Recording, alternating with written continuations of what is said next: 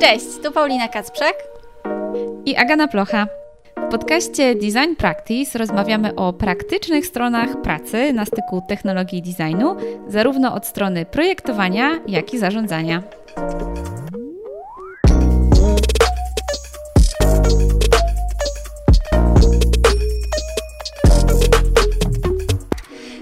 Odcinku porozmawiamy o tym, z czym trzeba się mierzyć, tworząc najbardziej popularną aplikację randkową na świecie, czym jest Trust and Safety w aplikacji randkowej, jak wygląda praca zespołu produktowego w Tinderze od podszewki? I jak rozwijać się w duchu Career Portfolio.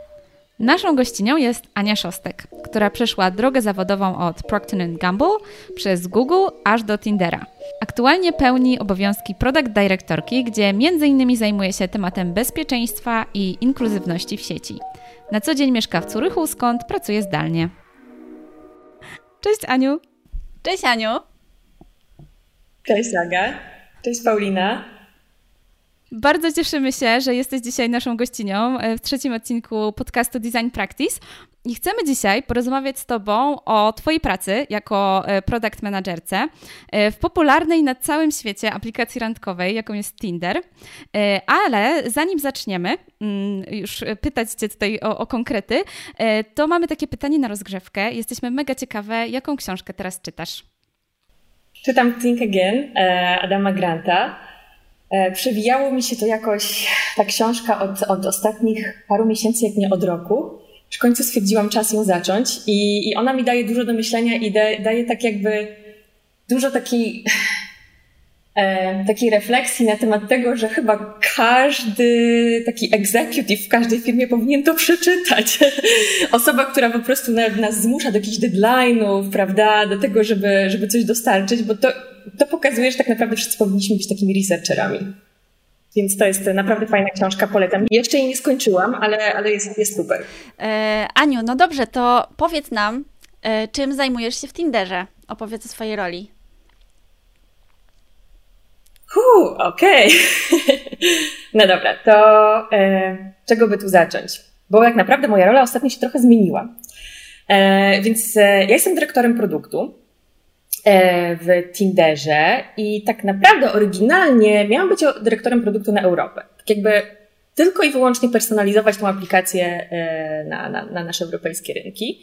Ale teraz mam taką trochę drugą rolę, która jest e, Trust and Safety, nazywa się Trust and Safety. Nie wiem, czy, czy wiecie, co to jest Trust and Safety. To jest taki właśnie dział, który, który tak naprawdę jest obecny w każdej techowej firmie. I zajmuje się tym bezpieczeństwem sieci. E, I ja mam właśnie czteroosobowy e, team product managerów, e, gdzie pracujemy tak naprawdę, takie, takie, tworzymy takie nowe produkty wewnątrz Tindera, które mają za zadanie edukować naszych użytkowników.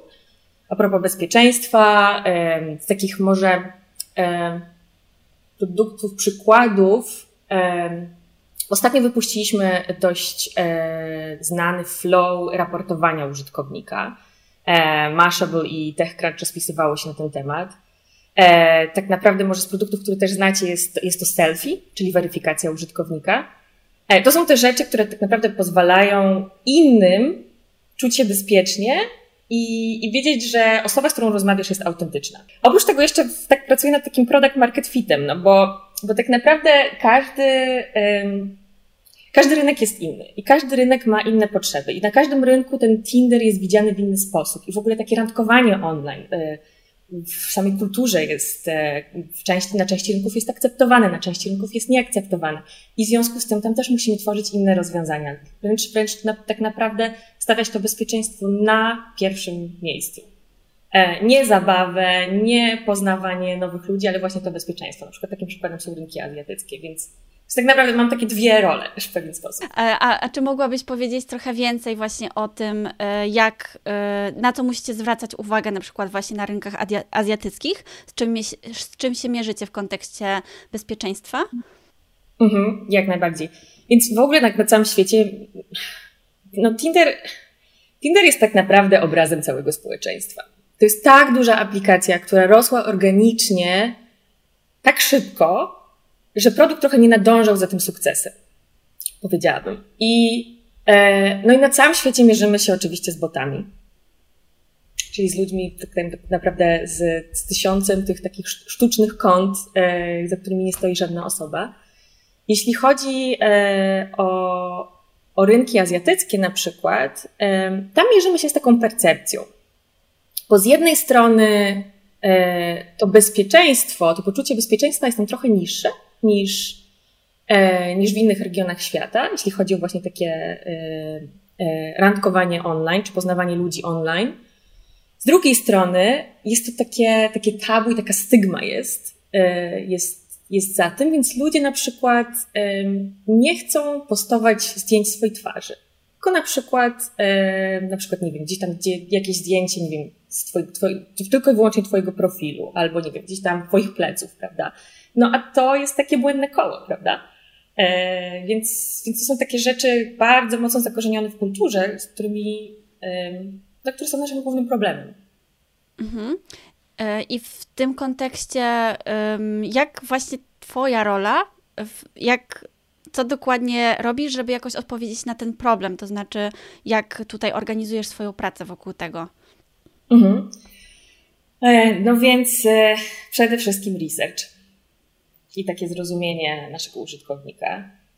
E, więc tak naprawdę nie, nie zaczynamy, żaden projekt nie jest zaczęty bez researchu. Naprawdę inwestujemy w to bardzo dużo czasu, dużo energii i w ten jakościowy, gdzie tak naprawdę poznajemy percepcję, co jest problemem, tak naprawdę do, do, do głębi emocji trzeba dojść tak naprawdę, bo to jest bardzo specyficzny produkt i bardzo specyficzny problem, e, gdzie trzeba zrozumieć motywację użytkownika, e, być może jakieś traumy użytkownika i, to, są, to są często bardzo trudne problemy, ale właśnie ten research nam w tym pomaga. E, oprócz tego e, całe analizowanie danych z jakichś e, A-B testingu, robimy różne testy na różnych rynkach, E, gdzie tak naprawdę no, próbujemy, e, gdzie tak naprawdę e, przedstawiamy jakieś rozwiązania i sprawdzamy, czy one się przyjmują w danym, na danym rynku, na danym, w danym problemie. Ja, no, no właśnie tak, tak naprawdę research, jeszcze raz research, jeszcze raz research. To, jest, to, to od tego się wszystko zaczyna. Mhm. A jestem też bardzo ciekawa, e, a propos, powiedziałaś o tej specyfice rynków azjatyckich, ale czy gdzieś tam w tej Twojej pracy, czy w rozmowach z innymi osobami, które pracują w Tinderze, przebija się Polska? Czy są jakieś takie mm, jakieś cechy charakterystyczne dla naszego rynku, a może jesteśmy wrzuceni w taki większy worek właśnie krajów e, w Europie Środkowo-Wschodniej? E, czy są jakieś takie ciekawostki związane z Polską i Tinderem? Taką ciekawostką związaną z Polską jest to, że to jest bardzo dobry rynek, że tam się naprawdę Tinderowi wiedzie, dobrze. To nie jest jeszcze ten taki rynek, który się za, za, za, zalicza do, do rynków dojrzałych, gdzie już jest taka, taka totalna penetracja tego rynku. E, wydaje mi się, że w Polsce ten Tinder jest cały czas taką nowością i czymś takim fajnym, prawda? Czymś fajnym, nowym, czymś sexy. Natomiast na rynkach, na których, na których Tinder zaczynał i na których też e, konkurencja weszła dużo szybciej, tam e, mierzymy się z tym, żeby pokazać taką świeżą wersję Tindera, taką, że wiadomo, że to jest, to jest aplikacja, która tak naprawdę ma swoją sezonowość, prawda? I w ogóle wszystkie aplikacje datingowe mają swoją sezonowość. E, I, I im nowsza ta aplikacja, tym bardziej sexy ona jest. Więc, więc na tych dojrzałych rynkach my musimy cały czas tak naprawdę wprowadzać coś nowego, E, natomiast rynek polski nie jest jeszcze do końca spenetrowany. Jest cały czas jeszcze takim, takim właśnie ciekawym rynkiem, gdzie ta liczba użytkowników ciągle rośnie. E, jest bardzo pozytywny odzew. E, a ostatnio testowałam, muszę, muszę w tym tygodniu właśnie muszę to zrobić, przeanalizować dane na rynek polski. Jak przyjmie się weryfikacja, tak jakby mm, weryfikacja użytkownika pod tym względem, że na przykład rozmawiasz z kimś, E, zaczynasz z, z, z, inną osobą rozmowę i wtedy możesz poprosić tą osobę, żeby zweryfikowała się, e, żeby zrobiła sobie selfie. E, I, I właśnie muszę sprawdzić w tym tygodniu dokładnie dane, jak to wyszło, bo testowaliśmy się to na rynku polskim i dosłownie dwóch innych rynkach. Więc A, czy, zobaczymy, czy to jest jak to taka weryfikacja poza tą weryfikacją, która jest gdzieś tam przypisana przy imieniu, tak? Jeszcze jakby dodatkowa. Tak. Wow, to ciekawe. Tak. No? Dokładnie, dokładnie, bo jest jedna weryfikacja mhm. w, w sign-upie, E, I później oczywiście można do niej wrócić, bo ona nie jest, e, nie jest obowiązkowa. A to jest taka dodatkowa weryfikacja, że w momencie, kiedy tak jakby ten user journey podzieliliśmy sobie na, na to, że właśnie weryfikacja jest potrzebna tak naprawdę, kiedy, kiedy kogoś już, kiedy z kimś rozmawiasz, kogoś poznajesz i e, kiedy ewentualnie możesz się z tą osobą spotkać e, na żywo. E, więc stwierdziliśmy, że to jest, to jest jednak dobry, dobry test i zobaczymy, jak to wyjdzie. E, dokładnie w tym tygodniu będę analizować. To bardzo dane. ciekawe. Jest, jestem ciekawa, co, co, z tego e, wyjdzie. Może nam powiesz, jeśli będziesz mogła, oczywiście.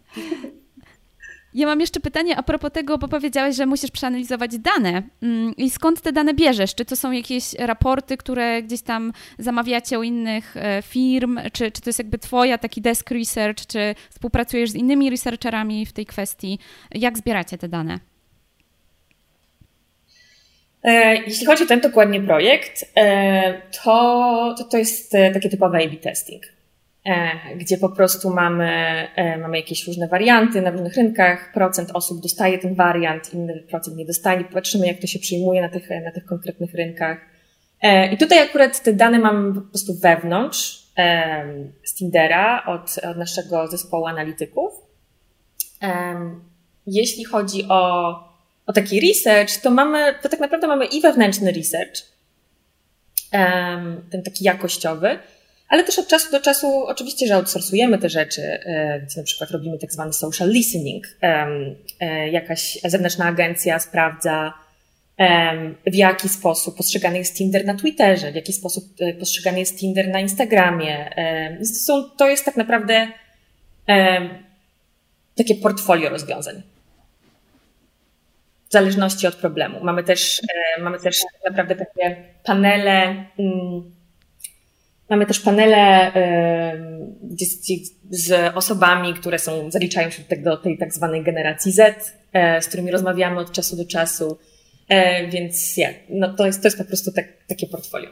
E, wspominałaś, Ania, jeszcze o tej sezonowości aplikacji randkowych i właśnie chciałam Cię zapytać dokładnie, jak ta sezonowość wygląda. Czy ona jest związana z tym, że na przykład u danego użytkownika gdzieś tam się wysyca ta aplikacja i on później jakoś znika, czy chodzi o inny rodzaj sezonowości?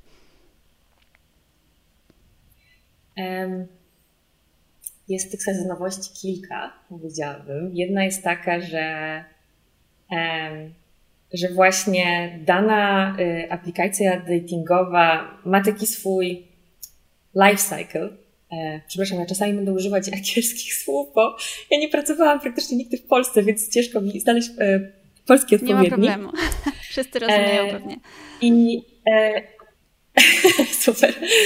E, I, i tak, tak jak powiedziałam wcześniej, że, że, e, że po prostu im, im nowsza jest aplikacja, e, tym też tak naprawdę jest, jest bardziej ciekawa dla, dla użytkowników. Więc to jest ta taka jedna część.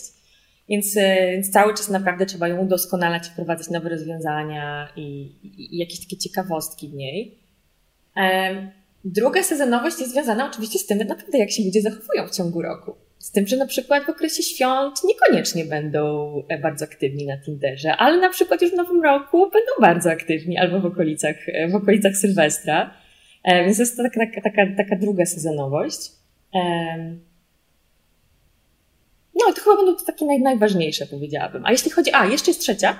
Trzecia jest taka, że, że tak naprawdę mm, to jest trudny temat. Ciężko jest ocenić, czy ktoś rezygnuje z Tindera dlatego, bo kogoś poznał i odinstalowuje tą aplikację, czy na przykład e, rezygnuje dlatego, że po prostu aplikacja mu się nie podobała, że po prostu nie spełniła oczekiwań. E, i, I to jest taka, i, i, i tutaj widzimy taką sezonowość, że na przykład ktoś odinstalowuje aplikację, ale później z tego samego, nie wiem, adresu e-mail wraca ten sam użytkownik, kilka miesięcy później, prawda? E, więc to jest też taka, taka, taka trzecia sezonowość, powiedzmy. Mhm. Tak, tak, faktycznie ja sama widzę gdzieś tam po swoich znajomych, czy po sobie też właśnie dokładnie te sezonowości yy, i, i sama czasami właśnie wracam po iluś tam miesiącach przerwy i z różnych właśnie powodów, więc, e, więc to, to jest w ogóle bardzo ciekawe. E, nie wiem, czy właśnie chcecie jakoś dotrzeć do tego, do tych informacji, czy, czy to nie jest aż tak istotne? Oczywiście, że chcemy. Oczywiście, że chcemy i staramy się je analizować e, i rozmawiając z ludźmi i sprawdzając dane, czy, czy ktoś odinstalował tuż po zalogowaniu się, e, założeniu konta. No bo jeśli ktoś odinstalował tuż po założeniu konta, no to, to jest ewidentnie naprawdę, że, że no coś, coś się nie podobało i próbujemy analizować, co na jakim kroku nie, mogło się nie spodobać. E, i, i też, też no, no, ten końcow, ta końcowa, ten końcowy moment te, te, tego user journey, gdzie tak naprawdę wymieniasz się numerem telefonu z tą drugą osobą, a, prawda, i zazwyczaj przechodzicie na jakiegoś Whatsappa, Messengera, coś, coś takiego, no to jest trochę, trochę, to jest trochę trudniejsze do, do przeanalizowania, no bo tak naprawdę nie wiemy, co tam się do końca wydarzyło. Oczywiście staramy się tworzyć jakieś rozwiązania, które będą edukować naszych użytkowników, że oczywiście powinna być, e, rozmowa powinna być jak najbardziej z szacunkiem, pewnych treści nie powinno się w ogóle tak naprawdę, pewnymi treściami nie powinno się wymieniać i, i jesteśmy w stanie wyłapać te rzeczy, jeśli coś, coś złego się tam dzieje. E, ale tak naprawdę do końca nie wiemy, co się tam wydarzyło. Czy te osoby się spotkały? e, czy, czy, czy, czy, czy po prostu był tam jakiś, nie wiem, ghosting? Nie wiemy tego. Mhm. Strasznie jest ciekawe to, co mówisz, e, jak się tak zatapiamy gdzieś tam wewnątrz e, tej aplikacji, ale chciałabym jeszcze wrócić do wcześniejszych e, lat i zapytać Cię, jaką rolę pełniłaś wcześniej, i, bo studiowałaś ekonomię, więc też jestem ciekawa, jak to się stało, że zaczęłaś się zajmować, zajmować produktem i jako, jaką drogę przeszłaś? Ach, e Ojejku, ta, ta moja droga to jest tak naprawdę e, dość nietypowa. I czasami nawet, czasami nawet sobie myślę, że czasami nawet miałam kompleksy z tego powodu, że nie jestem tak do końca wyspecjalizowana w danym kierunku. Bo, bo tak naprawdę robiłam trochę tego, trochę tamtego, studiowałam to, a potem pracowałam gdzieś indziej, e, zupełnie czymś innym, a potem jeszcze zmieniłam. E, jestem takim, takim typowym generalistą. Studiowałam ekonomię e, i później wiele rzeczy działo się trochę z przypadku, trochę z takiej, nie wiem, chwytania, chwytania szansy, albo po prostu z takiej ciekawości. O, a teraz to porobię to. A może ta, a teraz to właściwie to mnie ciekawi. To może teraz jednak spróbuję tego. E, I tak e, po, po studiach zaczęłam pracować w produkcji gdzie tak naprawdę byłam trenowana jako taki menadżer produkcji na fabryce. dość, dość ciekawe. Pamiętam, że nawet robiłam nocne zmiany, które bardzo dużo mnie nauczyły, bo tak naprawdę, no nie wiem, uczy, człowiek się uczy takiej współpracy z ludźmi, rozumie ich, ich problemy e, i takiej empatii. E, później zaczęłam pracować w działce e, FMCG, E, dokładnie właśnie w Procter Gamble, gdzie e, też zajmowałam się takim, takim, takim typowym operations. Planowałam e, logistykę, później zaczęłam być project managerem i, i dopiero tak właśnie po kilku latach pracy stwierdziłam, że jednak fajnie by było wejść w tą działkę tech. Ale ja nie miałam do końca doświadczenia, żeby, żeby w nią wejść. Tak naprawdę nie skończyłam informatyki, nie, nie wiedziałam, jak się do końca tego zabrać, e, tylko że te firmy e, techowe, one też potrzebują takich, one potrzebują ludzi, które, którzy, którzy przychodzą z takich właśnie, z takich, tam to nazywa taki well-established e, business, gdzie są procesy, gdzie wszystko się odbywa, tak naprawdę wszystko jest zaplanowane. Bo, bo te techowe firmy, one się wywodzą z takich startupów, niezorganizowanych, bardzo chaotycznych i w pewnym momencie rośnie liczba pracowników i, i wtedy jest problem, prawda? Bo o, nie mamy procesów, nie mamy, e, mamy tak naprawdę problem z tym, z tym takim codziennym chaosem. E, i, e, I właśnie do, do Google dołączyłam też na taką rolę operacyjną e, na początku, e, gdzie, e, gdzie współpracowałam z firmami zewnętrznymi, które pomagały nam właśnie w Trust and Safety. I później to już tak jakoś się potoczyło. Już jak, jak, jak byłam wewnątrz Google'a, to już zaczęłam pracować coraz bliżej inżynierów, później zaczęłam pracować coraz bliżej UX-u, coraz bliżej produktu. E, I tak krok po kroku, e, właśnie z tego operations, e, z, z, później z project managementu przeszłam na typowy product management. A później odezwał się Tinder. No właśnie, yy, właśnie, odezwał się Tinder. Yy, no jesteśmy mega ciekawe, jak wyglądała rekrutacja w Tinderze. Yy, odezwał się Tinder, czyli możemy y, tutaj już się domyślić, że, że to oni walczyli tutaj o, o twoje zainteresowanie. Y, ale czy były, właśnie jak, jak w ogóle wyglądał ten proces? Co było dla ciebie trudne, co było ciekawe? Jak to wszystko się potoczyło? Jakbyś mogła nam opowiedzieć trochę więcej. E, to był bardzo, e, to był bardzo przyjemny proces rekrutacyjny, muszę przyznać. E, byłam przyzwyczajona do, do takich procesów, gdzie tak naprawdę jestem maglowana przez osiem rozmów, prawda? I odpowiadam na, na 10 pytań w ciągu jednej, jednej rozmowy, tworząc różne scenariusze. Tutaj to była tak, tak naprawdę, to jest, taki, to jest taki proces, który tak naprawdę sprawia, że masz motylki w brzuchu. Bo E, bo, e, bo to była rozmowa. To było, to było bardzo dużo rozmów, e, ale to była rozmowa na temat strategii, na temat przyszłości. Nie było to takie, takie typowe maglowanie, które znałam z wcześniejszych, z wcześniejszych procesów rekrutacyjnych. Mhm. A mogłabyś właśnie powiedzieć, jak ten proces wyglądał? Jakie były etapy? Mhm. Na początku, akurat etapy były dość standardowe, jak, e, jak też w innych firmach techowych. Na początku jest taki, e, taka rozmowa telefoniczna tak zwana e, z, z rekruterem. Później jest rozmowa z, z menadżerem zatrudniającym, z osobą, która, która będzie Twoim menadżerem. Akurat w moim przypadku osobą, która mnie zatrudniała jest nasza obecna CEO, bo w międzyczasie została promowana, Renata Nyborg e, która miała być moim menedżerem, ale e, takie, e, taki troszeczkę, jak to się mówi, bittersweet news, została CEO. e, i, e, I też później miałam panel, gdzie musiałam przygotować, e, gdzie musiałam przygotować taki case study, co bym zrobiła z, z danym problemem. Na tym panelu oczywiście byli e, inni dyrektorzy product managementu, analitycy UX e, i miałam, miałam też kilka rozmów z osobami z różnych działów tak naprawdę, z marketingu, e, z produktu, e, z, z engineeringu. Po siedmiu, ośmiu rozmowach dostałam propozycję. A czy, czy pytałaś się, dlaczego akurat Twoja kandydatura, Twój profil, Twoja sylwetka zainteresowała Tindera? Jakby dlaczego się do Ciebie odezwali? Tak, tak, tak. Oczywiście zadałam to pytanie, bo troszeczkę się zdziwiłam. E, bo ja nie miałam jeszcze aż tak dużo stricte product managementowego doświadczenia. Tak naprawdę w Google miałam tego doświadczenia z 3 lata i, i to była dość seniorska rola, prawda, e, na którą rekrutował Tinter, więc byłam zdziwiona, że, że akurat ja. I e, gdzie odzywał się też oczywiście mój impostor syndrom w międzyczasie.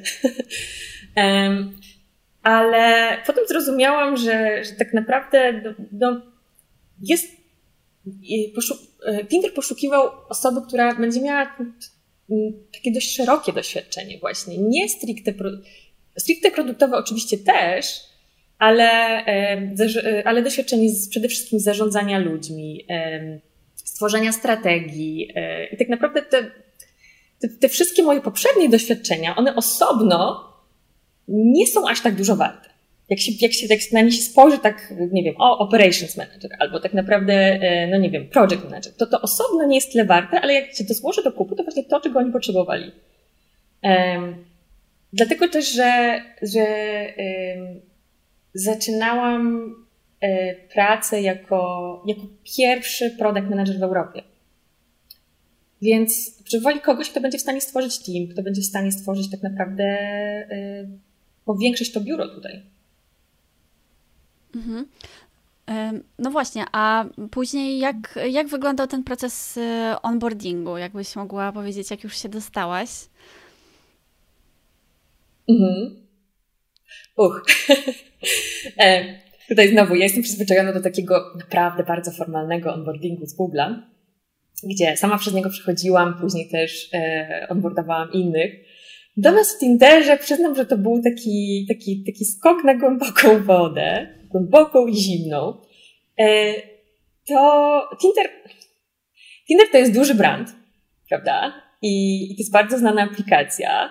Ale wyobraźcie sobie, że w Tinderze pracuje tylko w tym roku, w tym roku dopiero e, mamy 700 osób, ale tak naprawdę jeszcze, jeszcze rok temu, czy tak, tam to było 500 osób. To nie jest duża, to nie jest, to nie jest tak naprawdę dużo osób. Wydawałoby się, że, że pod takim imieniem kryje się trochę więcej ludzi. E, więc jest troszkę startupowo e, jednocześnie. I, e, no i ten proces onboardingu był też startupowy. Może taki nie do końca, to jest taki dobry balans. No było tak, taka część formalna, gdzie oczywiście jest lista ludzi, których musisz poznać, jest lista różnych aplikacji, które musisz, po, lista aplikacji, czyli różnych rozwiązań technicznych, do których musisz się zagłębić, ale powiedziałabym, że jest jest startupowo. Mhm.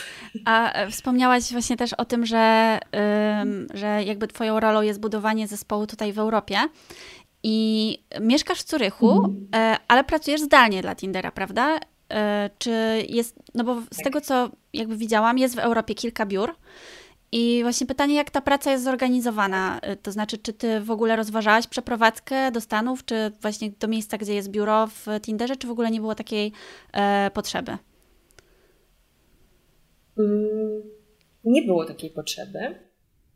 Nie rozważałam też nie rozważam raczej przeprowadzki do Stanów. Raczej zazwyczaj odpowiadałam na to, przez ostatnie kilka lat, e, czy odpowiadałam na to pytanie, że nie, nie przeprowadzam się. To samo, to samo było w Google. Bo bardzo dobrze mi się żyje w Europie i, i bardzo dobrze mi się żyje w Szwajcarii i tak naprawdę w pewnym momencie chciałabym troszeczkę tak e, się mówi, e, tak jakby oddać coś do tej naszej społeczności europejskiej, bo to nie jest fajne, że tak naprawdę wszystkie najfajniejsze rzeczy dzieją się w Stanach, prawda? Więc fajnie jest tak naprawdę budować to, to u nas. E, I jak się tak wszyscy zaczną przeprowadzać do tych Stanów, to kto tutaj zostanie, prawda? E, no więc, więc, więc trzeba, trzeba po prostu e, często, mam nadzieję, że coraz więcej ludzi będzie odpowiadać na to pytanie, nie, nie przeprowadzam się i to zmusi też te wszystkie firmy do, do tworzenia e, miejsc pracy w Europie. Czyli, czyli, czyli właśnie nie było takiej potrzeby, a jak właśnie ta praca jest zorganizowana? Bo tutaj przed tym, jak zaczęłyśmy nagrywać, mówiłaś, że masz sporo spotkań ze Stanami i czy to jest tak, że właśnie musisz mhm. y, tak sobie dzień układać, żeby właśnie być wieczorem dostępna, czy też jakoś sporo masz kontaktu z biurami, które, czy osobami, które są w Europie i właśnie jak te godziny pracy wyglądają i taka codzienna organizacja? Mhm. Um, no nie, ta, ta codzienna organizacja akurat nie jest idealna, przez to, że jednak dzieli nas, e, większość, większość jednak e, pracowników Tindera jest w Los Angeles e, albo w ogóle w, w Kalifornii i to jest jednak 9 godzin. To, to, to jest akurat trochę ciężkie, bo, bo jednak nie da się tego przeskoczyć. I rzeczy, które dotyczą rynku europejskiego stricte, na którym pracuję, e, tutaj jestem w stanie, e, jestem w stanie pracować w takich, powiedzmy, typowych godzinach. Pracuję z rynkiem, z rynkiem UK, z z Nordykami, czy też, czy też z rynkiem niemieckim. Natomiast e, rzeczy, które tak naprawdę dotyczą takiej stricte platformy Tindera, e, to, to są w Stanach. I, I tutaj niestety są te mm, późne popołudnia, e, troszkę też wieczory, ale jest bardzo duże zrozumienie też i, i tak naprawdę nasza CEO jest w Europie. E, I ona wyznacza też taką, taką dobrą strukturę, taki, taki dobry e, ten work-life balance tak naprawdę. E, I, ludzie się tego uczą w Stanach, że, że jednak musimy, musimy znaleźć jakiś kompromis, jeśli chodzi o, nie, o te wieczorne spotkania to ja bym chciała teraz trochę wrócić do tego, e, o czym już wspomniałaś, czyli o, e, o tym, że byłaś jedną z pierwszych w ogóle w Tinderze, jeśli chodzi o, e, o product dyrektorów. No i przyszło ci też takie zadanie szukania ludzi do twojego zespołu, budowania właśnie tej, tej, tej struktury w Europie. I jakbyś mogła trochę właśnie więcej opowiedzieć o tym, co już przez ten czas, przez pięć miesięcy, zdaje się, od kiedy jesteś w Tinderze, co udało ci się już zrobić w tym zakresie, z kim współpracujesz, kogo szukasz, jak, jak wygląda ten zespół? Mhm. E, tak naprawdę ten zespół cały czas tworzy. E, on, nie jest jeszcze, on nie jest jeszcze stworzony. E, zespół Trust and Safety e, też tworzę. Mam akurat teraz e, czterech e, product managerów, product managerki i, i tam też cały czas zatrudniamy, bo, bo to, jest, to jest tak naprawdę mm, bardzo ważna działka, która pomoże też nam w stworzeniu tego product market fitu w Europie.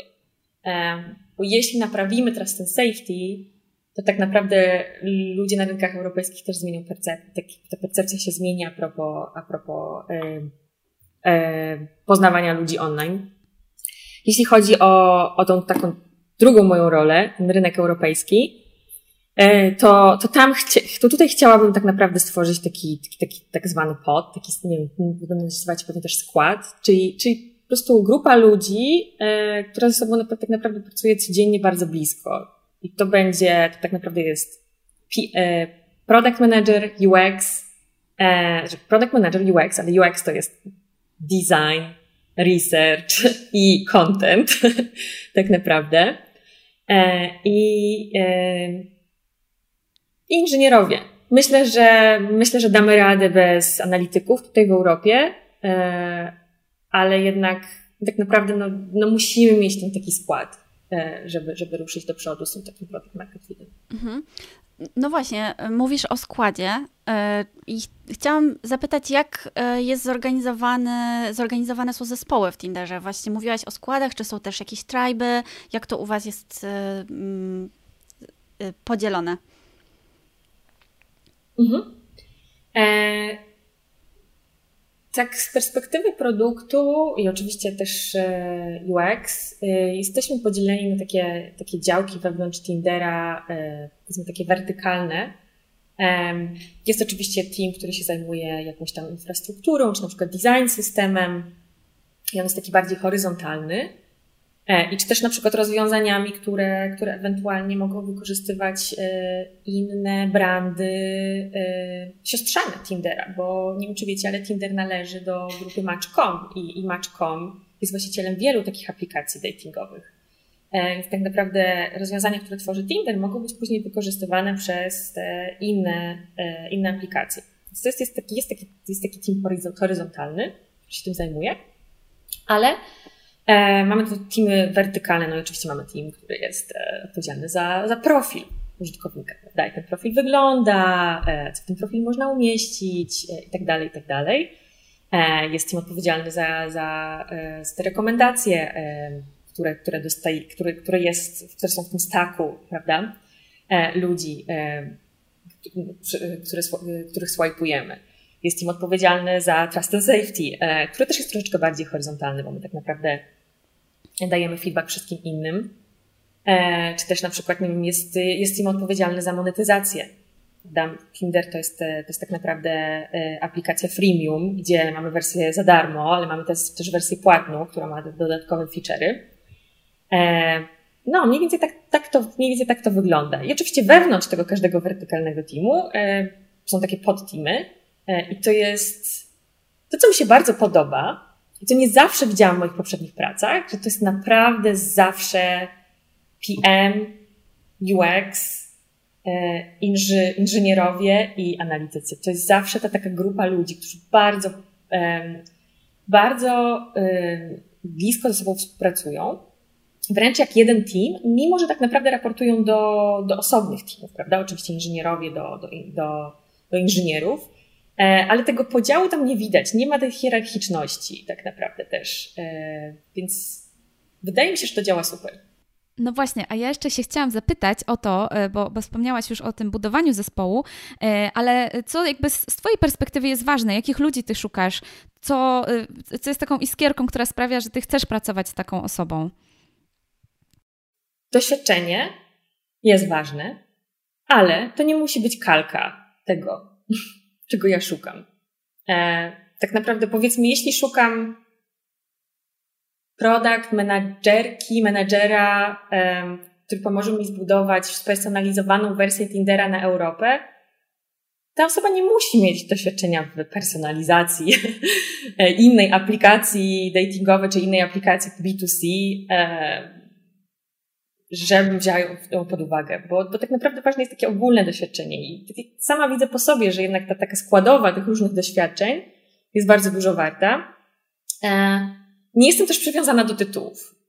powiem szczerze, bo każda firma ma jakiś taki inny system levelingu, inny system przyznawania tytułu, więc jak ktoś mi powie, że jest w tej firmie product managerem, to to może zupełnie co innego oznaczać niż, niż czego ja szukam. Więc tak naprawdę, naprawdę trzeba być w głębi w to, co, do, co dokładnie robi ta osoba, bo, bo być może że, że ja będę rozmawiać z designerem. Ktoś, kto, kto, kto na swoim LinkedInie ma e, product designer, ale ta osoba ma tak gigantyczną wiedzę o produkcie i o strategii. Nie dość, że jest po prostu specjalistą w UX-ie, to jeszcze, to jeszcze potrafi, to, to jeszcze potrafi się dobrze porozumieć z inżynierami front, frontendu. To, to na dodatek e, właśnie potrafi, ma super pomysły na, nie wiem, pomysły na, e, na jak ten, jak ten produkt powinien wyglądać w przyszłości. Więc to jest idealny product manager, mimo że nie nazywa się product manager, prawda? Um, I chyba taka bardziej po prostu um, chęć do nauki. Do tego, żeby się uczyć, bo naprawdę um, to jest chyba najważniejsze, bo, bo to się tak wszystko zmienia w, w, w świecie techowym, że co chwilę musimy wprowadzać jakieś nowe rozwiązania, co chwilę musimy się uczyć czegoś nowego jest ta, ta ciągła chęć do nauki. Właśnie to, taka, ta, to jest taka iskierka. No i tak naprawdę to e, ja nazywam często, że ego to najlepiej zostawić w domu. e, bo praca, praca w teamie, no nie wiem, praca w teamie zawsze e, każdej firmie. Nie wiem, nie wiem, czy są takie role, gdzie można się naprawdę zamknąć i coś tam sobie dłubać samemu. E, no, na, na pewno nie jest to product manager. Mhm. No właśnie, a mm, wracając jeszcze do, do Twojej pracy, y, jak, y, jak oceniana jest w ogóle Twoja praca i jak też Ty oceniasz pracę y, swoich product managerów? Jakich metryk używacie na przykład? Mhm. Um, metryk, masz na myśli metryk biznesowy? Mhm. Czy... Generalnie jak, jak właśnie mierzycie swoją własną pracę i jak ona jest oceniana? Mhm. Mhm. Jestem na takim, na takim może takim makro levelu. No to oczywiście mamy różne metryki, które tak, tak naprawdę sprawdzamy codziennie, jak nie codziennie to, to co jakiś czas e, i, i, i oczywiście dla każdego product managera mm, ważne jest tak zwany feature adoption, czyli jak nowa funkcja w produkcie przyjęła się wśród użytkowników, prawda?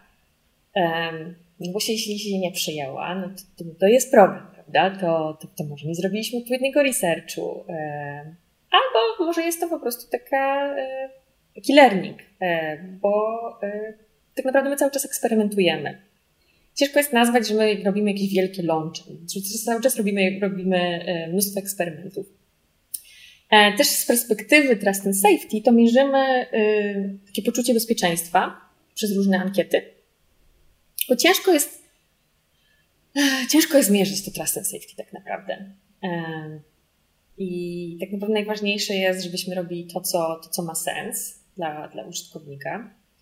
A, z takich jeszcze ogólnych metryk to może to, to oczywiście satysfakcja, którą też mierzymy, satysfakcja użytkownika, też przez różne ankiety. I może z takich ciekawych to jest e, taka, taka, taki wskaźnik hmm, jak to nazwać po polsku? Um, tak, wskaźnik konwersji może? Czy, czy sprawdzamy, czy, czy jeśli, jeśli ludzie ze sobą rozmawiają, czy to jest tylko taka krótka wymiana zdań? E, na przykład, nie wiem, dwie linijki i z powrotem, prawda? Czy jest to coś więcej, czy może jest to taki totalny ghosting? E, bo im więcej tej wymiany zdań, tym tak naprawdę y, lepsza jakość tych rozmów, tym, tym tak naprawdę jest taka korelacja pewna między właśnie tą wymianą zdań a, a satysfakcją użytkowników. Więc to jest to z takich biznesowych metryk. A nie wiem, czy jesteście, bo, bo, oczywiście biznesowe metryki nie do końca odpowiadają temu, jak oceniamy ludzi, prawda? Bo często to jest takie, nie, nie, wiadomo, jako, jako pojedyncza jednostka nie masz aż tak dużego wpływu na, na te metryki. E, więc oczywiście ludzie są też w pewien inny sposób oceniani. Mhm. A czy mierzycie też na przykład ile powstaje par, małżeństw, dzieci z, z... Nie jesteśmy w stanie tego zmierzyć. Nie mamy, nie mamy niestety na ten temat żadnej informacji, bo, bo, bo ten takie sedno rozmowy mm, i sedno tego, co się dzieje, ono się odbywa już poza Tinderem. Tinder tak naprawdę poznaje dwójkę ludzi, a co się dzieje później, to już jest trochę poza naszym zasięgiem i poza mhm. naszym wpływem. Ale na pewno docierają do Was jakieś historie, yy, choćby ja na przykład znam jedno małżeństwo, które poznało się na Tinderze. Na pewno gdzieś tam u Was w filmie się przewijają takie historie i pytanie, czy yy, właśnie kultywujecie takie success stories, gdzieś tam yy, dzielicie się tym w firmie między sobą? E, I tak i nie, muszę powiedzieć, e, bo nie mamy aż tak dużo danych. Mamy tylko takie, o, ktoś, ktoś, ktoś zna kogoś, prawda? E, ale to są takie naprawdę takie pojedyncze przykłady. Mm, nie mamy, nie mamy tak naprawdę żadnych statystyk na ten temat. Ale też z drugiej strony mm, to nie jest do końca dla nas miarą sukcesu. Czy, czy dwójka osób, e, nie wiem, wzięła ślub i ma teraz, e, i ma dzieci i rodzinę, prawda? To, to nie jest do końca dla nas miara sukcesu, bo każdy użytkownik, e, bo sukces dla każdego, dla każdego użytkownika oznacza co innego. Dla jednej osoby to będzie poznanie kogoś nowego, bo przeprowadził się do nowego miasta i, i tak naprawdę poznanie nowych przyjaciół. Dla innej osoby to będzie tak zwany one, one night stand dla jeszcze innej osoby będzie to poznanie właśnie e, księcia z bajki, czy księżniczki z bajki.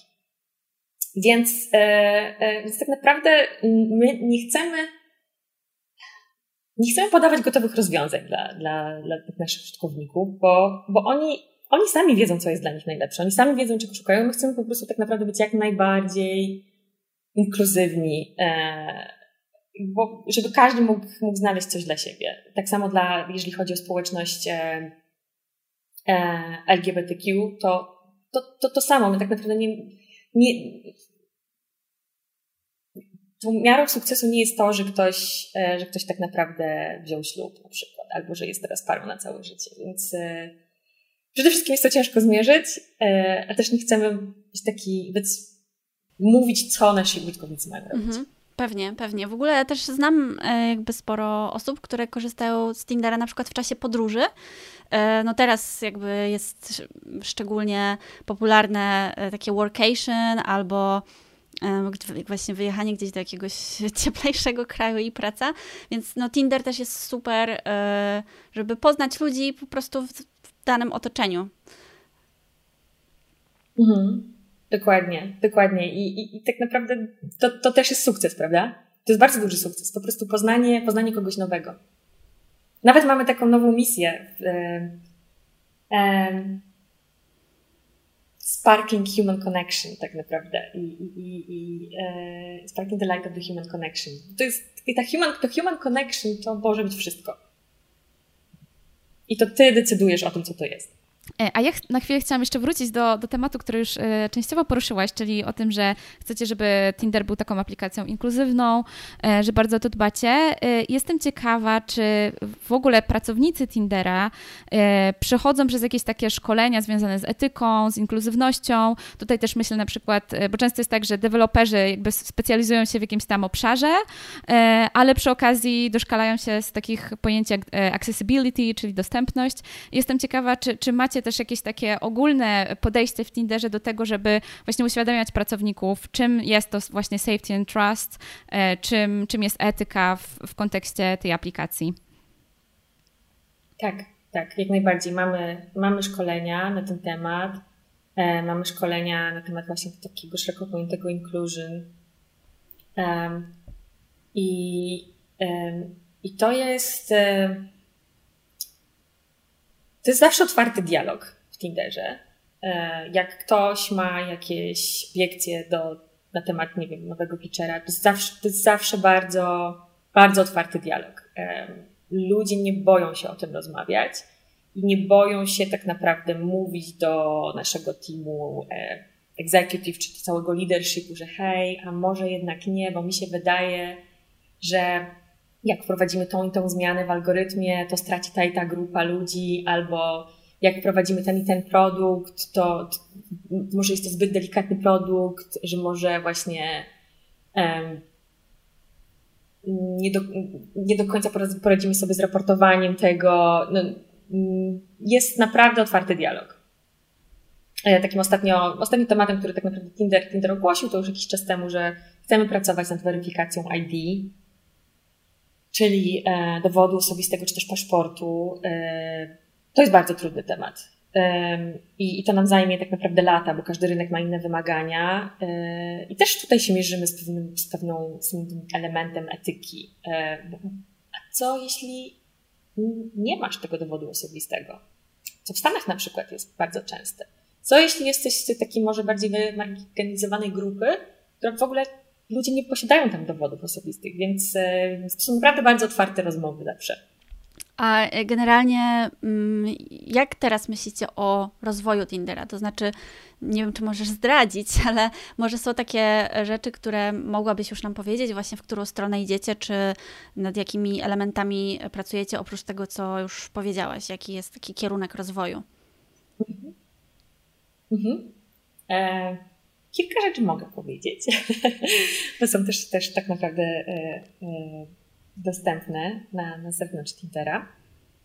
E, więc skupiamy się na generacji Z. Bardzo. To są obecni studenci. Tak, studenci, nawet nawet jeszcze przed studiami. Sobie trochę młodszy od nas, prawda? I personalizacja, o której wspomniałam wcześniej, to też, e, to też będzie przyszłość, bo jednak mm, nie ma takiej możliwości, żebyśmy zbudowali rozwiązanie, które będzie się wszystkim podobać. Wszystkim rynkom, wszystkim kulturom.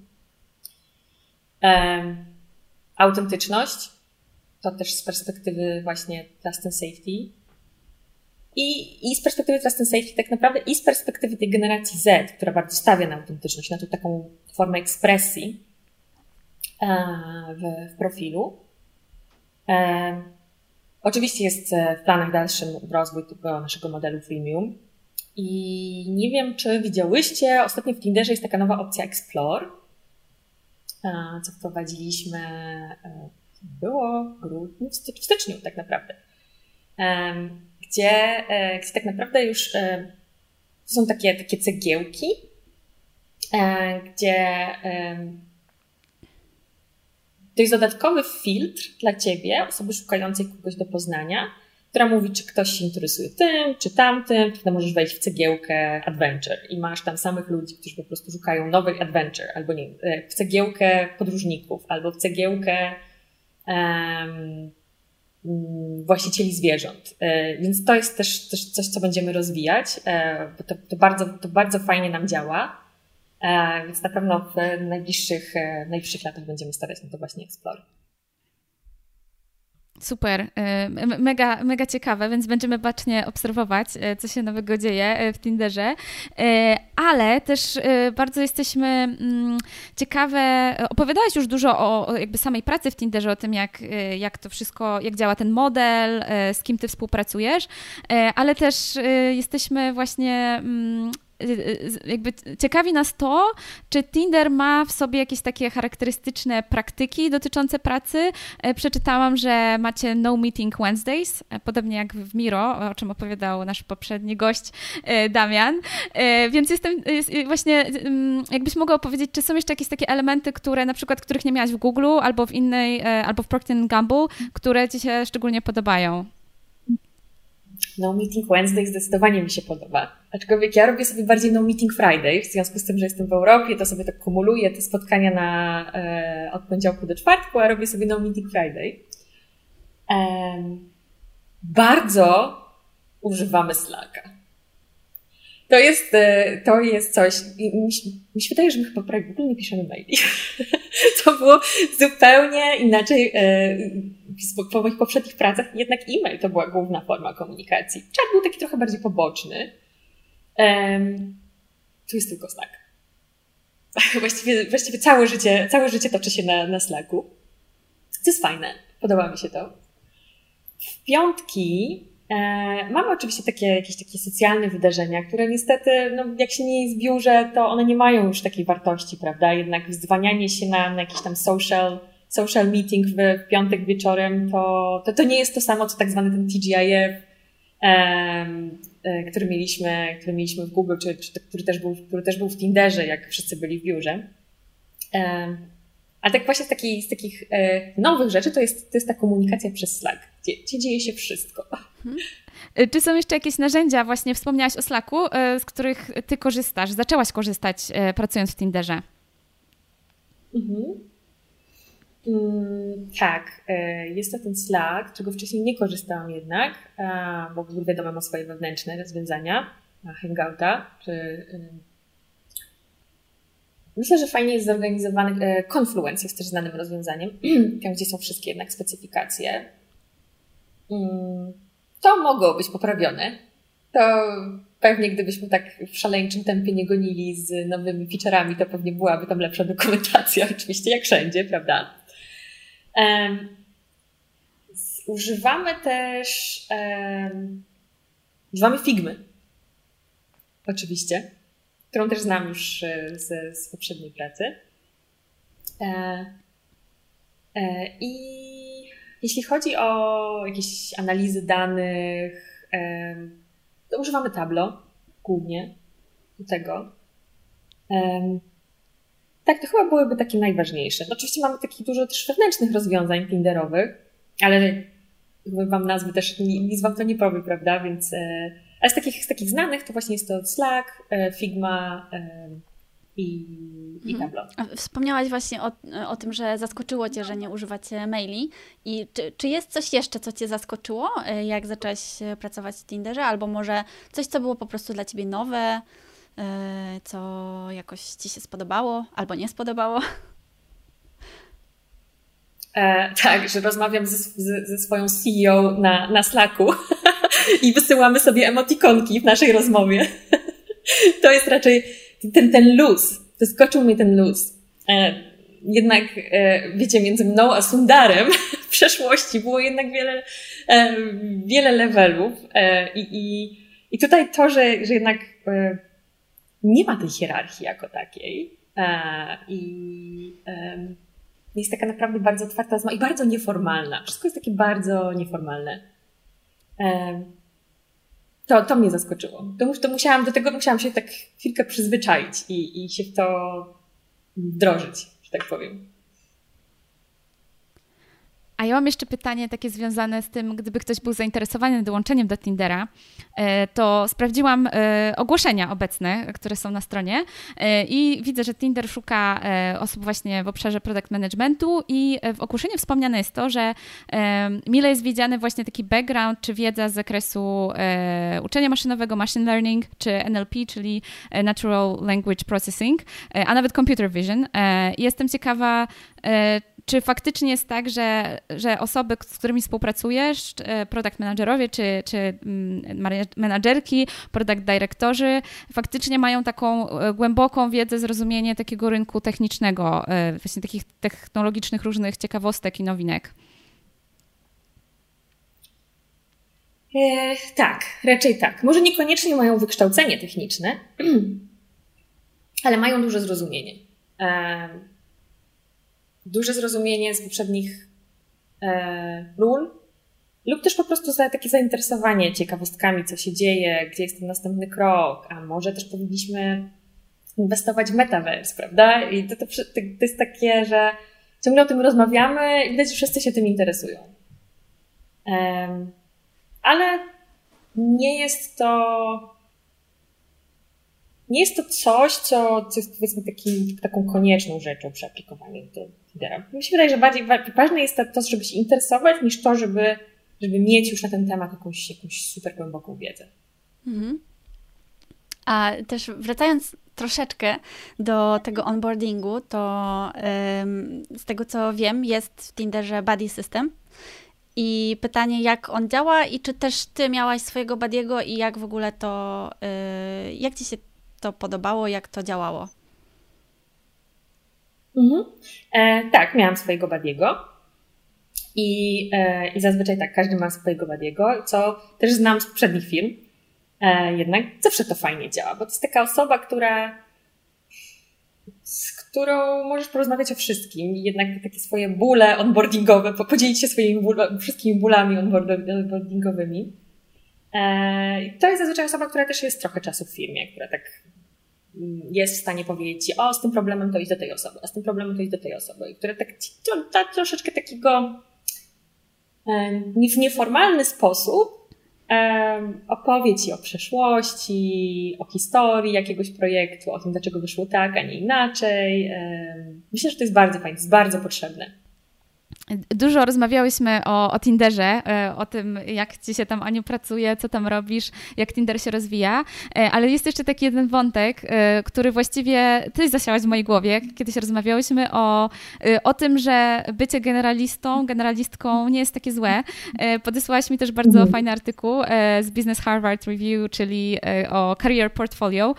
Jakbyś właśnie mogła opowiedzieć trochę o tym, odnieść się do tego tematu e, właśnie w tej, w tej, obecnej sytuacji, w której jesteś, czyli pracować w Google, e, teraz pracujesz w Tinderze, są to bardzo duże marki rozpoznawalne i mówiłaś też, że czułaś trochę, miałaś taki syndrom oszusta, jak, jak się Tinder do ciebie odezwał i, i mhm. chciał cię zatrudnić na tę bardziej powiedzmy seniorską pozycję.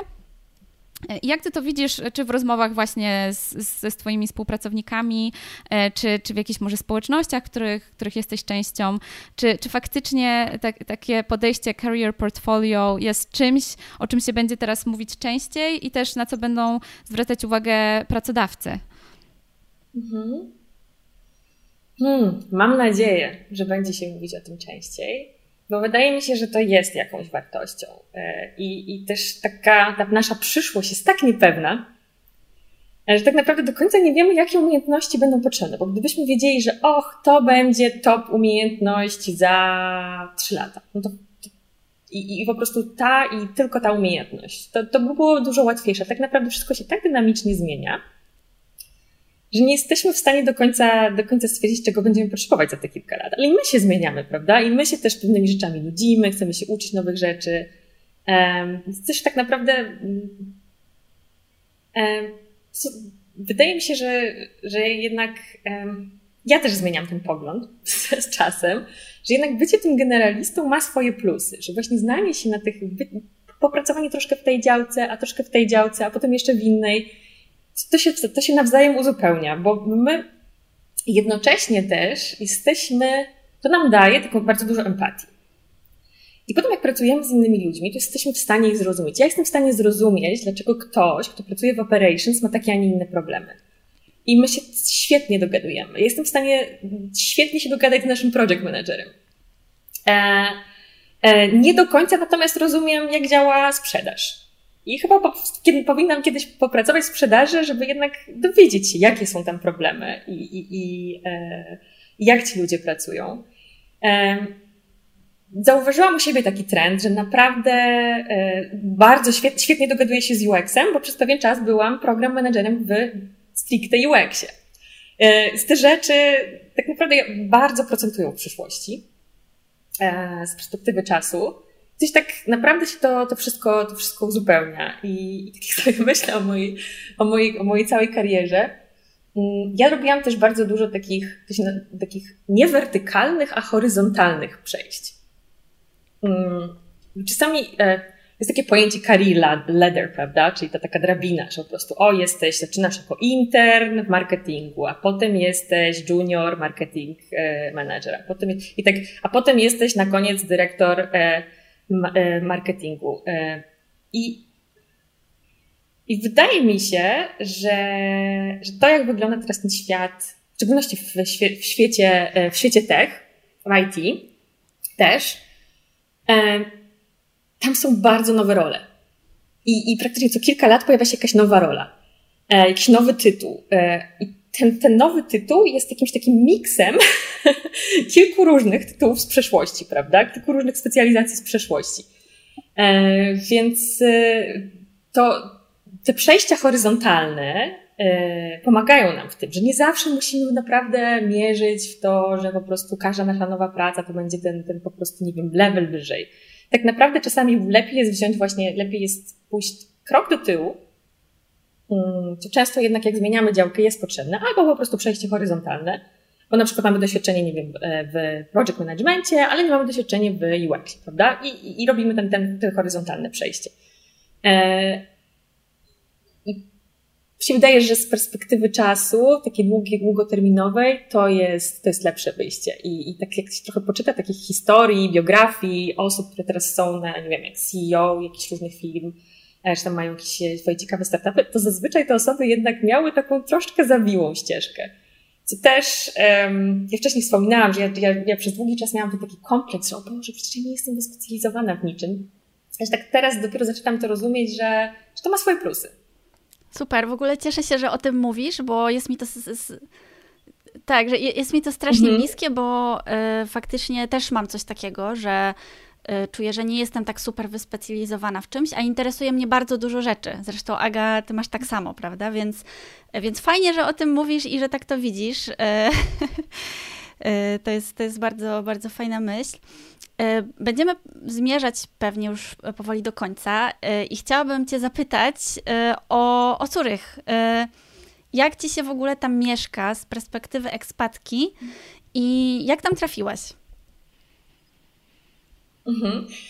czy mogę wrócić jeszcze do poprzedniego pytania? Bo ja właśnie wiem, że ja właśnie wiem, że, że dziewczyny jesteście właśnie takim typowym przykładem tego career portfolio.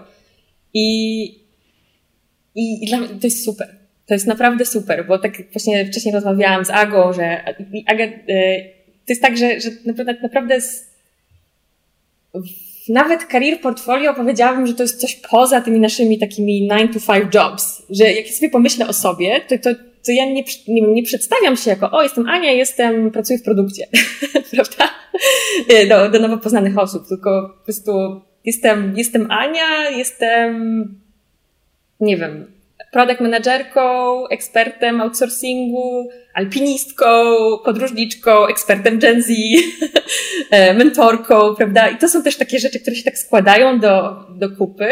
Rzeczy, które no może niekoniecznie przynoszą tam jakiś bezpośredni profit, pieniądze, ale, e, ale tak naprawdę to jest to jest nasza, e, to, to nasza identity, prawda? Nasza identity to nie musi być jedna rzecz. Tak, tak, właśnie też mam problem z określeniem, co ja robię, jak mnie ktoś pyta, bo cały czas się to zmienia. E, szczególnie to się zmieniło, jak no, wybuchła pandemia, więc jakby siłą rzeczy trzeba było zmienić sporo rzeczy i już, już później też cały czas próbujemy czegoś nowego, więc, e, więc to jest bardzo fajne to, co mówisz, a też zresztą jakiś czas temu E, w newsletterze Pucka było coś takiego o takiej e, poligami w pracy i to to też jakoś bardzo ze mną mhm. zarezonowało, no bo jakby to, że pracujesz na jakimś stanowisku, to nie znaczy, że jesteś tylko tym, prawda? Możesz robić jeszcze 10 różnych rzeczy dookoła i to mhm. też wnosi dużą wartość do twojej pracy i w samej pracy możesz po prostu robić różne rzeczy, mhm. więc, yy,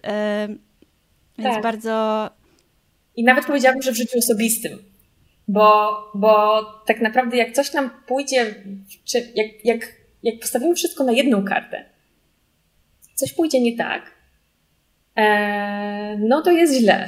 To ludzie mają, mają często różne, różne problemy psychiczne później z tym związane. Jak jednak mamy to, tylko, to takie portfolio zainteresowań i nagle się okazuje, że nasza firma zaczyna zwalniać, e, to jest dalej ok, prawda? dalej masz co robić, dalej masz mnóstwo zainteresowań, dalej jesteś tą ciekawą osobą e, i, i twoje życie toczy się dalej.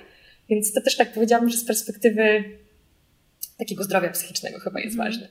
To prawda, to prawda. No i też yy, ciężej, ciężej w cudzysłowie się wypalić, tak mi się wydaje, no bo cały czas robisz coś nowego, tak. jakaś przygoda czeka za każdym rogiem. Dokładnie, dokładnie. Y, super, że poruszyłyśmy ten temat, bo y, właśnie też y, opisywałam ten cały wątek career portfolio i o tym, że trudno jest mi znaleźć sobie taką jedną tożsamość, że jakby ja się czuję dobrze w różnych rolach i nie mam potrzeby definiowania siebie poprzez jedno hasło typu product designer, UX designer, nie wiem, coding designer, cokolwiek. I, i bardzo dużo dostałam odpowiedzi na ten newsletter, więc jest dużo osób, które czują tak jak my i to też jest takie budujące, bo mm, jak zaczniemy też o tym rozmawiać i tak trochę szerzyć świadomość, że jest coś innego niż tylko ta drabinka, e, właśnie to career ladder, ta, ta hierarchia, no to myślę, że też pracodawcy będą bardziej otwarci na mm, rekrutowanie właśnie takich osób, które gdzieś tam, e, Aniu powiedziałaś o tym właśnie wertykalnym skakaniu i że to nie będzie źle widziane, tylko właśnie bardziej wręcz przeciwnie, doceniane, że każdy chce się rozwijać i, i szukać zainteresowań w różnych obszarach, co finalnie sprawi, że na przykład produkt będzie lepszy, bo, bo właśnie ta empatia, bo, bo jakieś takie dociekanie, łączenie kropek, e, więc ba, bardzo się cieszę, że, że gdzieś ten wątek też został e, poruszony. więc wrócę do pytania o Curych. E, Aniu, jakbyś mogła powiedzieć, jak w ogóle trafiłaś do Curychu i jak ci się tam mieszka z perspektywy ekspatki? Do Szwajcarii trafiłam przez przypadek. Wspomniałam na początku, że czasami mam takie swoje zaangielszczenia, jeśli chodzi o mój taki e, język biznesowy, bo, bo pracowałam w Polsce przez pół roku tylko, e, od razu po studiach. I później moja firma zaproponowała mi e, rolę w Genewie, w Szwajcarii. Byłam tak zwanym ekspatem na, bardzo fajnym, bardzo fajnym kontrakcie. I i później, później była tak, był taki motyw, że moja firma chciała, żebym już wracała do Polski i żebym, żebym zrobiła taki knowledge transfer e, z, z, z mojej headquarter. E, no jednak trochę moje życie prywatne się inaczej potoczyło. Tutaj e, poznałam też mojego obecnego męża. Później też chciałam, chciałam, nie chciałam jeszcze wracać do Polski, bo tak naprawdę stwierdziłam, że że jak wrócę, to już się tak zadomowię i tak już zostanę. Tak stwierdziłam, a to może jeszcze w sumie spróbuję, spróbuję jakiejś innej pracy poszukać. I tak się trafił, tak się trafił ten, e, ten, ten Google. A jeszcze przed Googlem miałam chwilową, chwilową przygodę w Curychu z firmą farmaceutyczną, ale nie do końca jednak tam, tam to wszystko działało, bo jednak e, mm, jednak farmacja to jest troszkę inny biznes, bo jest, jest, jest, rzeczy dzieją się wolniej przede wszystkim. E, i jest tych procesów wręcz bardzo dużo, co jest oczywiście potrzebne. Po prostu, po prostu nie do końca był to taki tak zwany fit dla mnie. No stwierdziłam, to spróbuję poza Szwajcarią. No i zaczęłam w Google w Dublinie. E, byłam tam przez dwa lata e, i później właśnie razem z moim wtedy chłopakiem, który był w Paryżu, teraz już mężem, zdecydowaliśmy, ok, oboje chcemy jeszcze jednak do tej Szwajcarii wrócić bo, bo kochamy to miejsce, kochamy góry, e, mamy tu przyjaciół, e, świetnie się tu odnajdywaliśmy. No i to, to tak wszystko świetnie zagrało, bo, bo daliśmy sobie nawet taki, taki, taki termin, że do kiedy po prostu chcemy się przeprowadzić do jednego miejsca. Byłam wtedy w Dublinie, on był wtedy w Paryżu. I e, stwierdziliśmy, ok, stawiamy Curych. On jest inżynierem, więc po prostu aplikował do Google'a, dostał tu pracę Google, a ja przeniosłam się wewnętrznie. E, no i tak, tak, tak do tego Curychu trafiliśmy. Jesteśmy tu już od 3,5 e, roku, dajże. E, I no Curych jest świetny, właśnie mam widok na jezioro z mojego okna. A jak się wychylę przez balkon, to widzę góry, ale muszę się bardzo mocno wychylić. Jest, nie, jest, jest to naprawdę fajne miejsce do mieszkania. Jest y, bardzo blisko natury, a jednocześnie to miasto nie przytłacza, bo to, to nie jest duże miasto, to jest miasto wielkości, no nie wiem, czym to można było porównać, chyba mniejsze niż Poznań w Polsce? Powiedziałabym, tak, mniejsze, zdecydowanie mniejsze. Super. Ja też słyszałam, że e, Aniu, e, zdarza Ci się wychodzić na narty e, w, jakby w tygodniu. To nie jest jakiś taki wyjazd, tak jak u nas zazwyczaj, no. że trzeba planować, pakować tak. się, wyjazd w ogóle, zakopane i tak dalej, białka tatrzańska, tylko możesz po prostu rano podjąć decyzję, że dzisiaj idę na narty, a potem będę pracować. Dokładnie, aż mi się wstyd przyznać trochę, ale ja tak naprawdę robię czasami, bo jak mam te wieczorne spotkania, prawda, i czasami mogę sobie tak dzień zorganizować, że że zaczynam po lunchu, a, a kończę, nie wiem, o dziewiątej wieczorem wtedy, powiedzmy, no to sobie y, to, y, to rano lecę sobie na narty na przykład, czy to na biegówki, czy, czy... Ja akurat bardzo, y, bardzo chodzimy z mężem na skitury. Raczej, raczej od, od już kilku lat zrezygnowałam z chodzenia do ośrodków, jak poznałam te skitury właśnie, to, że mogę być tak totalnie w naturze, zmęczyć się i mieć też fajny zjazd po świeżym puszku. E, więc tak zdecydowanie to robię. Ostatnio w, w ostatni czwartek podjęłam taką decyzję, że idę na narty przed pracą. zdarza mi się to, zdarza mi się to ostatnio chyba tak raz na dwa tygodnie. Jeju, zazdroszczę. Rozmarzyłam się, Ania. Wiecie, ale to jest tego koszt, bo później trzeba jednak swoje wysiedzieć wieczorem. Aniu, mega Ci dziękujemy za, za Twoje wszystkie ciekawe historie, opowieści, spostrzeżenia, ale jest takie jeszcze jedno pytanie, które chcemy Ci zadać na koniec. E, jakie są Twoje plany na najbliższy czas? E, na rozwoju jakich umiejętności chciałabyś się skupić? Uch, trudne pytanie. trudne pytanie, bo, bo czas jest ograniczony, prawda? I to jest zawsze taka walka wewnętrzna. Czy powinnam się uczyć niemieckiego?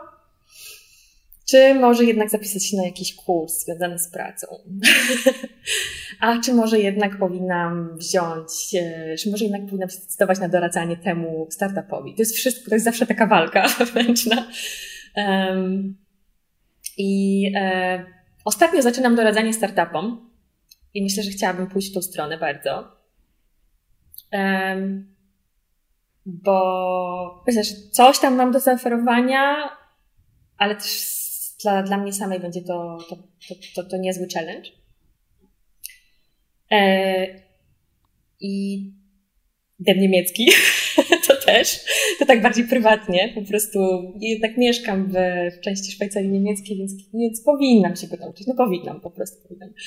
I, a tak z, jeśli chodzi o takie, takie rzeczy stricte, stricte do pracy, to, yy, to chciałam się y, zgłębić bardziej w taką, taką, taką analizę właśnie, y, troszkę analizę danych. E, widzę w mojej obecnej pracy, że jest jej dużo więcej niż moich poprzednich, może dlatego, że tak naprawdę pracujemy na, pracuję ba, bardziej teraz na, na rynku B2C. Wcześniej w mojej poprzedniej pracy byłam B2B, więc tych danych było dużo mniej, e, e, prawda, tych użytkowników. E, troszeczkę chciałabym się w to zgłębić, ale e, więc tak, takie, takie, takie plany, tylko czasu brak. Bardzo mnie zaintrygowało to za doradzanie startupom. Jakbyś mogła rozwinąć to, y, jak to się stało, że zaczęłaś y, doradzać? Czy ktoś, może znajomy się do ciebie zgłosił, znajomy znajomych, czy jakoś inną drogą się to stało i też w jakim obszarze y, doradzasz? No bo masz bardzo szerokie doświadczenie, więc w czym tak naprawdę chciałabyś najbardziej właśnie doradzać? To tak troszeczkę przez znajomych znajomych, którzy też podobne rzeczy robią i mamy podobne, podobne doświadczenie.